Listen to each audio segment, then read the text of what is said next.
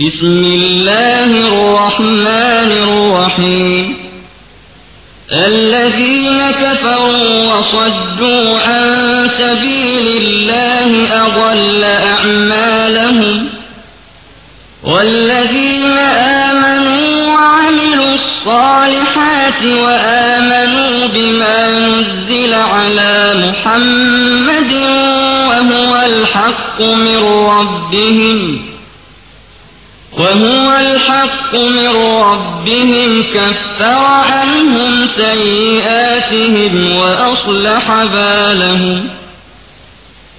ذلك بأن الذين كفروا اتبعوا الباطل وأن الذين آمنوا اتبعوا الحق من ربهم.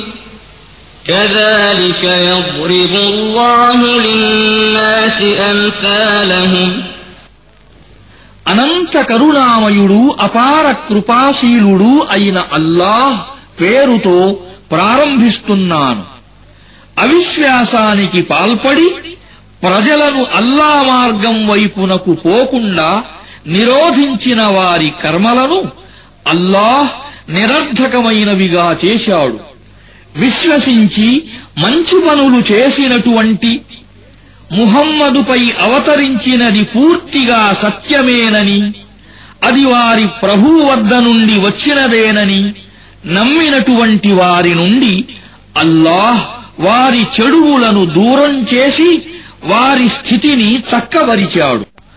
దానికి కారణం అవిశ్వాసులు అసత్యాన్ని అనుసరించుటయే.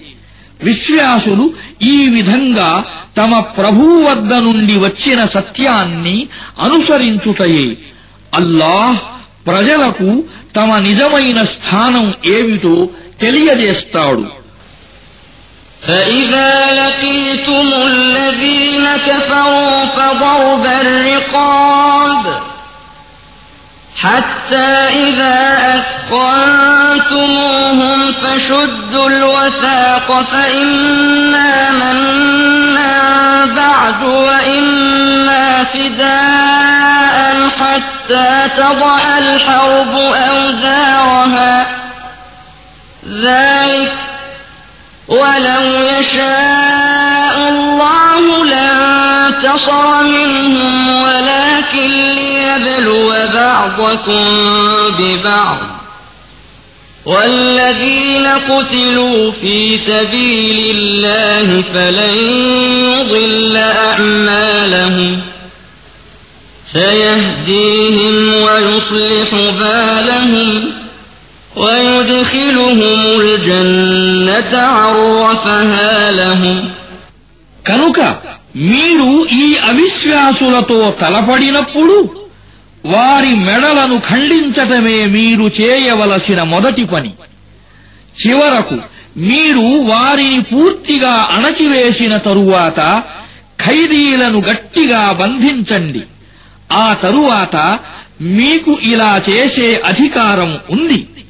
వారికి మేలైనా చేయండి లేదా వారి నుండి పరిహారం సొమ్ము తీసుకొని వదలివేయండి. యుద్ధంలో తమ ఆయుధాలు క్రింద పడవేసే వరకు ఇలా జరగాలి. ఇది మీరు చేయవలసిన పని. అల్లా తలచుకుంటే స్వయంగా ఆయనే వారిని ఎదుర్కొనేవాడు. అయితే మిమ్మల్ని ఒకరి ద్వారా మరొకరిని పరీక్షించటానికి ఆయన ఈ పద్ధతిని అవలంబించాడు. అల్లాహ్ తన మార్గంలో చంపబడిన వారి కర్మలను ఎంతమాత్రం వ్యర్థం చేయడు. ఆయన వారికి మార్గం చూపుతాడు. వారి స్థితిని చక్కబరుస్తాడు. తాను వారికి తెలియజేసిన స్వర్గంలో వారిని ప్రవేశింపజేస్తాడు. يا أيها الذين آمنوا إن تنصروا الله ينصركم ويثبت أقدامكم విశ్వాసులారా మీరు అల్లాకు సహాయం చేస్తే ఆయన మీకు సహాయం చేస్తాడు మీ పాదాలను స్థిరంగా ఉంచుతాడు والذين كفروا فتعسا لهم وأضل أعمالهم. ذلك بأنهم كرهوا ما أنزل الله فأحبط أعمالهم. أفلم يسيروا في الأرض فينظروا كيف كان عاقبة الذين من قبلهم دمر الله عليهم وللكافرين أمثالها ذلك بأن الله مولى الذين آمنوا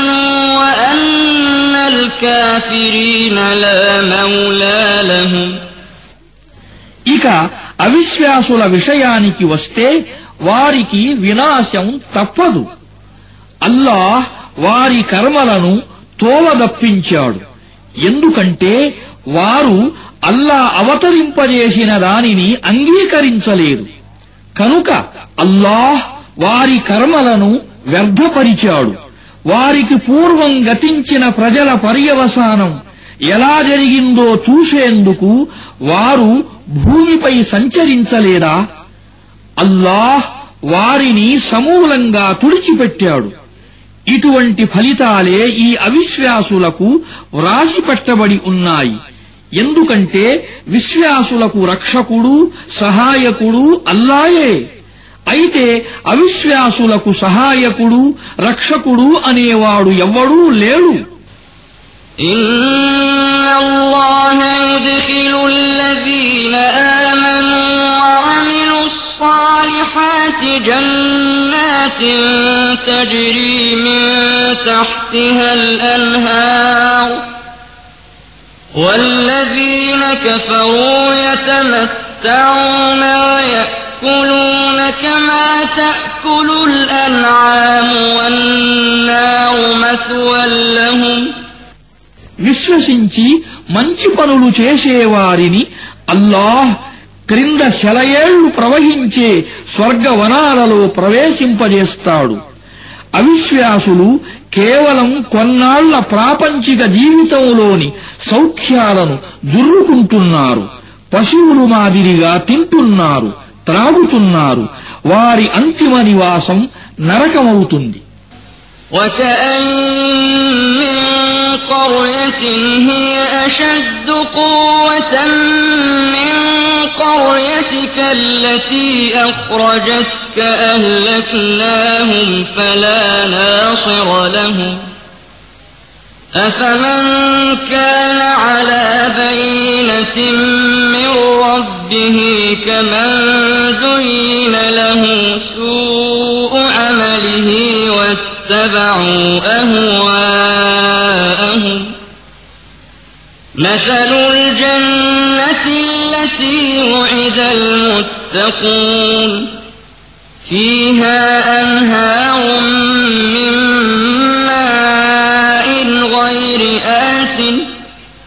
وأنهار من لبن لم يتغير طعمه وأنهار من خمر لذة للشاربين وأنهار من عسل مصفى ولهم فيها من كل الثمرات ومغفرة من ربهم كمن هو خالد في النار وسقوا ماء حميما فقطع أمعاءهم ప్రవక్త నిన్ను బహిష్కరించిన నగరం కంటే ఎంతో శక్తివంతములైన నగరాలు ఎన్నో గతించిపోయాయి. మేము వాటిని ఎవ్వరూ కాపాడలేనంతగా సర్వనాశనం చేశాము. తన ప్రభువు తరఫు నుండి ఒక స్పష్టమైన సన్మార్గం పొందినవాడు తమ దుష్కార్యాలు మనోహరమైనవిగా కనిపించేలా చేయబడి తమ కోరికలకు దాసులైన వారి మాదిరిగా ఎలా కాగలుగుతాడు? భయభక్తులు కలవారికి వాగ్దానం చేయబడిన స్వర్గం యొక్క వైభవం ఇలా ఉంది. అందులో నిర్మలమైన నీటి కాలువలు ప్రవహిస్తూ ఉంటాయి. ఏమాత్రమూ మారని రుచిగల పాలకాలువలు ప్రవహిస్తూ ఉంటాయి. సేవించే వారికి మధురంగా ఉండే మద్యపు కాలువలు ప్రవహిస్తూ ఉంటాయి. స్వచ్ఛమైన తేనె కాలువలు ప్రవహిస్తూ ఉంటాయి. అందులో వారి కొరకు అన్ని రకాల పండ్లు ఉంటాయి. ఇంకా వారి ప్రభు తరఫు నుండి క్షమాభిక్ష కూడా. ఇలాంటి స్వర్గాన్ని తన వంతు భాగంగా పొందనున్న వ్యక్తి నరకంలో శాశ్వతంగా ఉండిపోయే వారి మాదిరిగా పేగులను సైతం కోసివేసేటటువంటి సలసల కాగే నీరు ఇవ్వబడే వారి మాదిరిగా కాగలడా?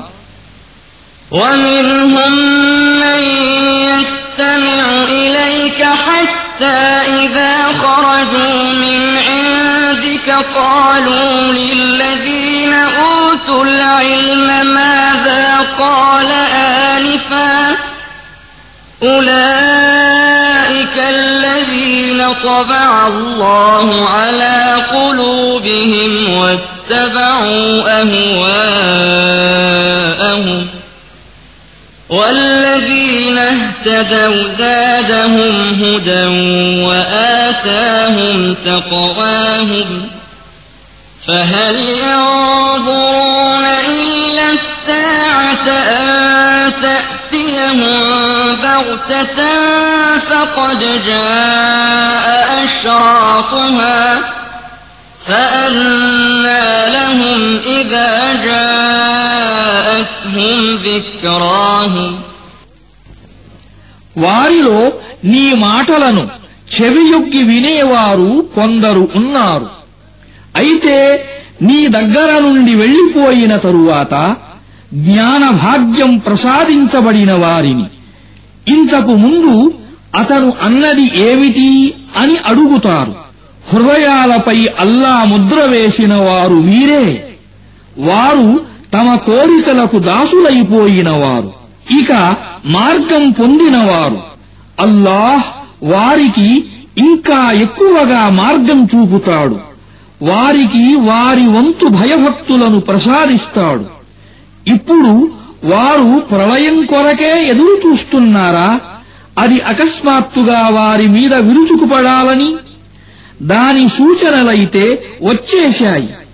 స్వయంగా అదే వచ్చినప్పుడు ఇక వారికి హితోపదేశం స్వీకరించే అవకాశం ఎక్కడ మిగిలి ఉంటుంది فاعلم أنه لا إله إلا الله واستغفر لذنبك وللمؤمنين والمؤمنات والله يعلم متقلبكم ومثواكم కనుక ప్రవక్త బాగా తెలుసుకో అల్లా తప్ప ఆరాధనకు అర్హుడైన వాడు ఎవ్వడూ లేడని నీ పొరపాట్లకు క్షమాభిక్ష పెట్టమని వేడుకో విశ్వాసులైన స్త్రీ పురుషుల పొరపాట్లకు కూడా అల్లాహ్ నీ కార్యకలాపాలను కూడా ఎరుగును నీ విశ్రాంతి స్థలాన్ని కూడా ఎరుగును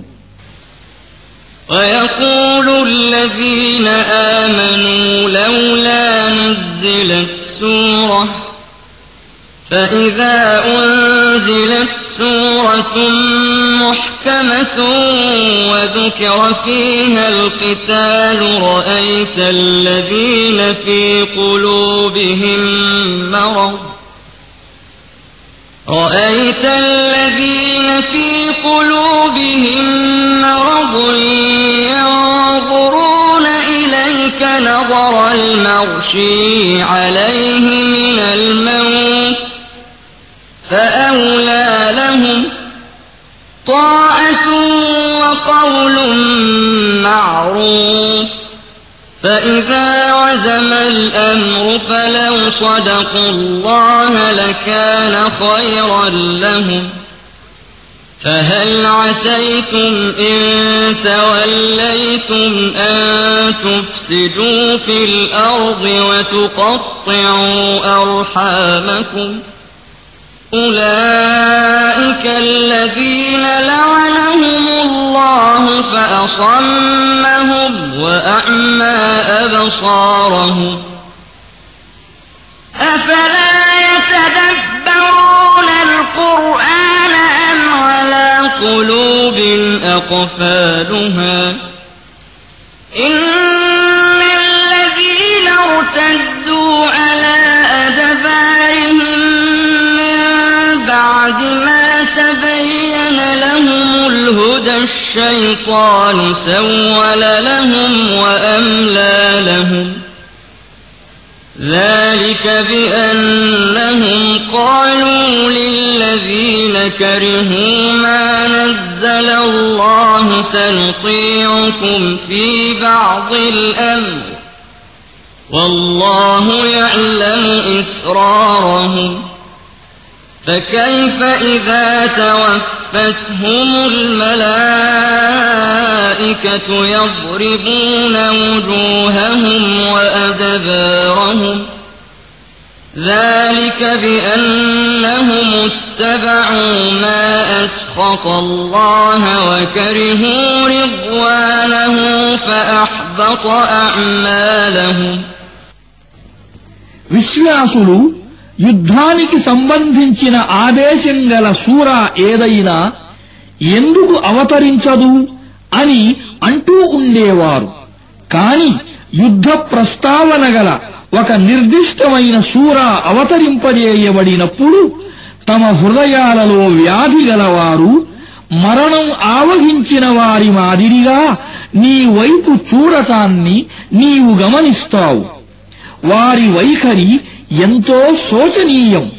విధేయతను పాటిస్తామనే వారి వాగ్దానము మంచి మంచి మాటలు కేవలం నోటి మాటలే.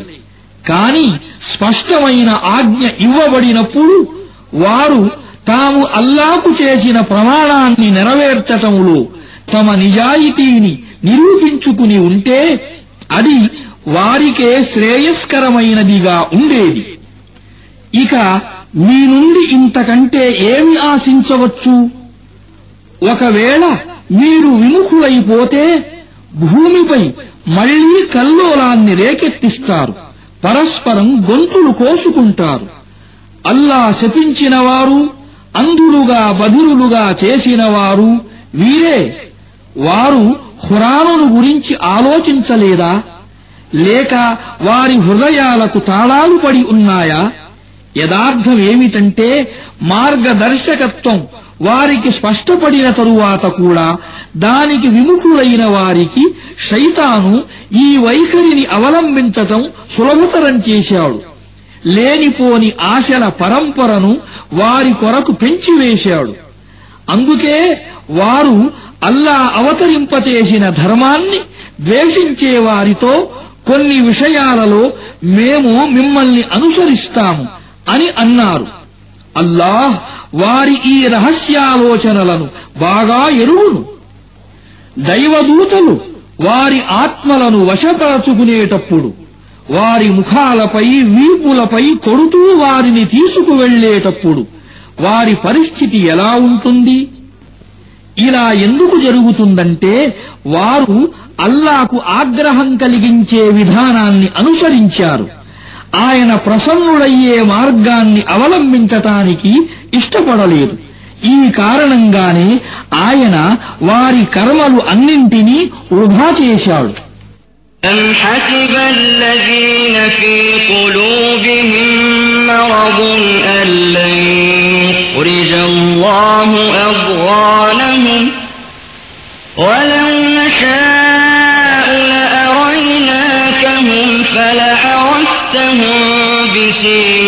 بسيماهم ولتعرفنهم في لحن القول والله يعلم أعمالكم ولنبلونكم حتى نعلم المجاهدين منكم والصابرين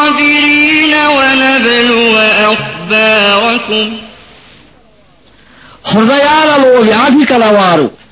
తమ మనస్సులలోని కల్మషాన్ని అల్లా బహిర్గతం చేయడని అనుకుంటున్నారా? మేము తలసుకుంటే వారిని నీకు చూపిస్తాము. వారి ముఖాలను బట్టి నీవు వారిని గుర్తిస్తావు. అసలు వారు మాట్లాడే తీరును బట్టే నీవు వారిని గురించి తెలుసుకుంటావు. అల్లాహ్ మీ అందరి కర్మలను గురించి బాగా ఎరుగును. మేము మిమ్మల్ని తప్పకుండా పరీక్షిస్తాము తద్వారా మీ స్థితిని నిర్ణయిస్తాము మీరు అల్లా మార్గంలో గట్టిగా కృషి చేసేవారు ఎవరో స్థిరచిత్తులు ఎవరో చూస్తాము إن الذين كفروا وصدوا عن سبيل الله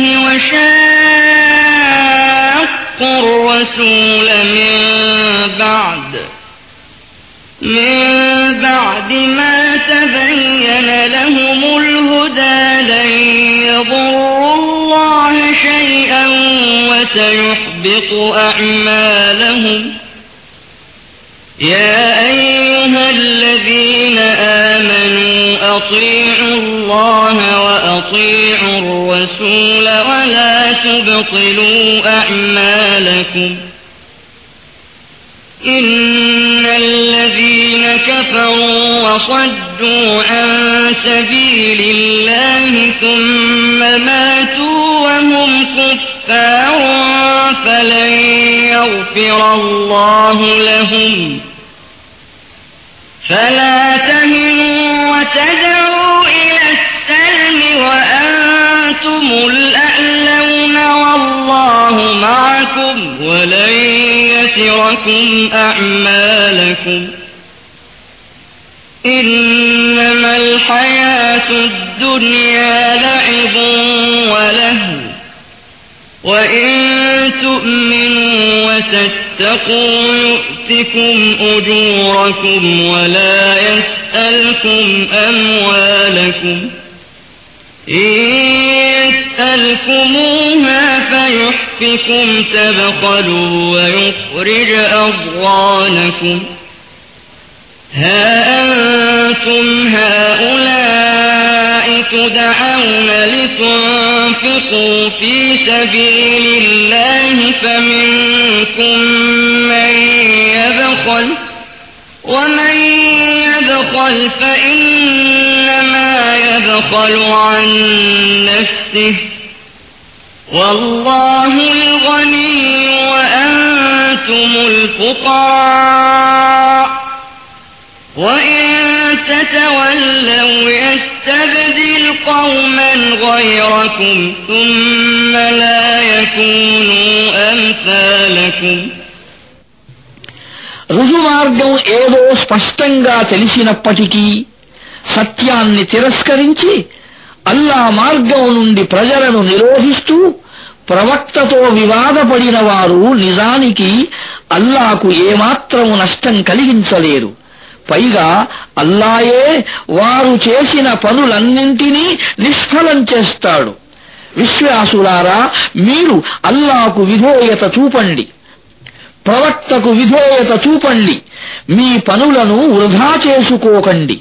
అవిశ్వాసానికి పాల్పడే వారిని దైవ మార్గం వైపునకు పోకుండా ప్రజలను నిరోధించేవారిని మృత్యువు వచ్చే వరకు సత్య తిరస్కార స్థితిపై స్థిరంగా ఉండేవారిని అల్లాహ్ ఎంతమాత్రం క్షమించడు. కనుక మీరు అధైర్యపడకండి. రాజీ పడటానికి వారిని పిలవకండి. మీరే ఆధిక్యం పొందేవారు.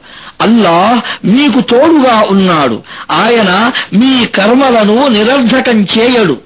ఈ ప్రాపంచిక జీవితం ఒక ఆట మాత్రమే ఒక వినోదం మాత్రమే. మీరు విశ్వసించి భయభక్తుల వైఖరిని అవలంబిస్తే అల్లా మీకు మీ ప్రతిఫలాన్ని ఇస్తాడు. ఆయన మీ నుండి మీ ధనాన్ని అడగడు. ఒకవేళ ఆయన మీ నుండి మీ ధనాన్ని అడిగితే మీ ధనం మొత్తాన్ని కోరితే మీరు పిసినారితనం చూపుతారు. ఆయన మీ దోషాన్ని వెలికి తీస్తాడు. చూడండి అల్లా మార్గంలో ధనం ఖర్చు పెట్టండి అని మీకు పిలుపు ఇవ్వబడుతోంది. దాని విషయంలో మీలో కొందరు పిసినారితనంతో వ్యవహరిస్తారు. కాని పిసినారితనం వహించే వ్యక్తి నిజానికి తన పట్ల తానే పిసినారితనం చూపుతున్నాడు. అల్లా అయితే ఎంతో సంపన్నుడు. మీరే ఆయనపై ఆధారపడి ఉన్నవారు. ఒకవేళ మీరు విముఖులైతే అల్లా మీ స్థానంలో మరొక జాతిని దేన్నైనా తీసుకువస్తాడు. వారు మీ వంటి వారై ఉండరు.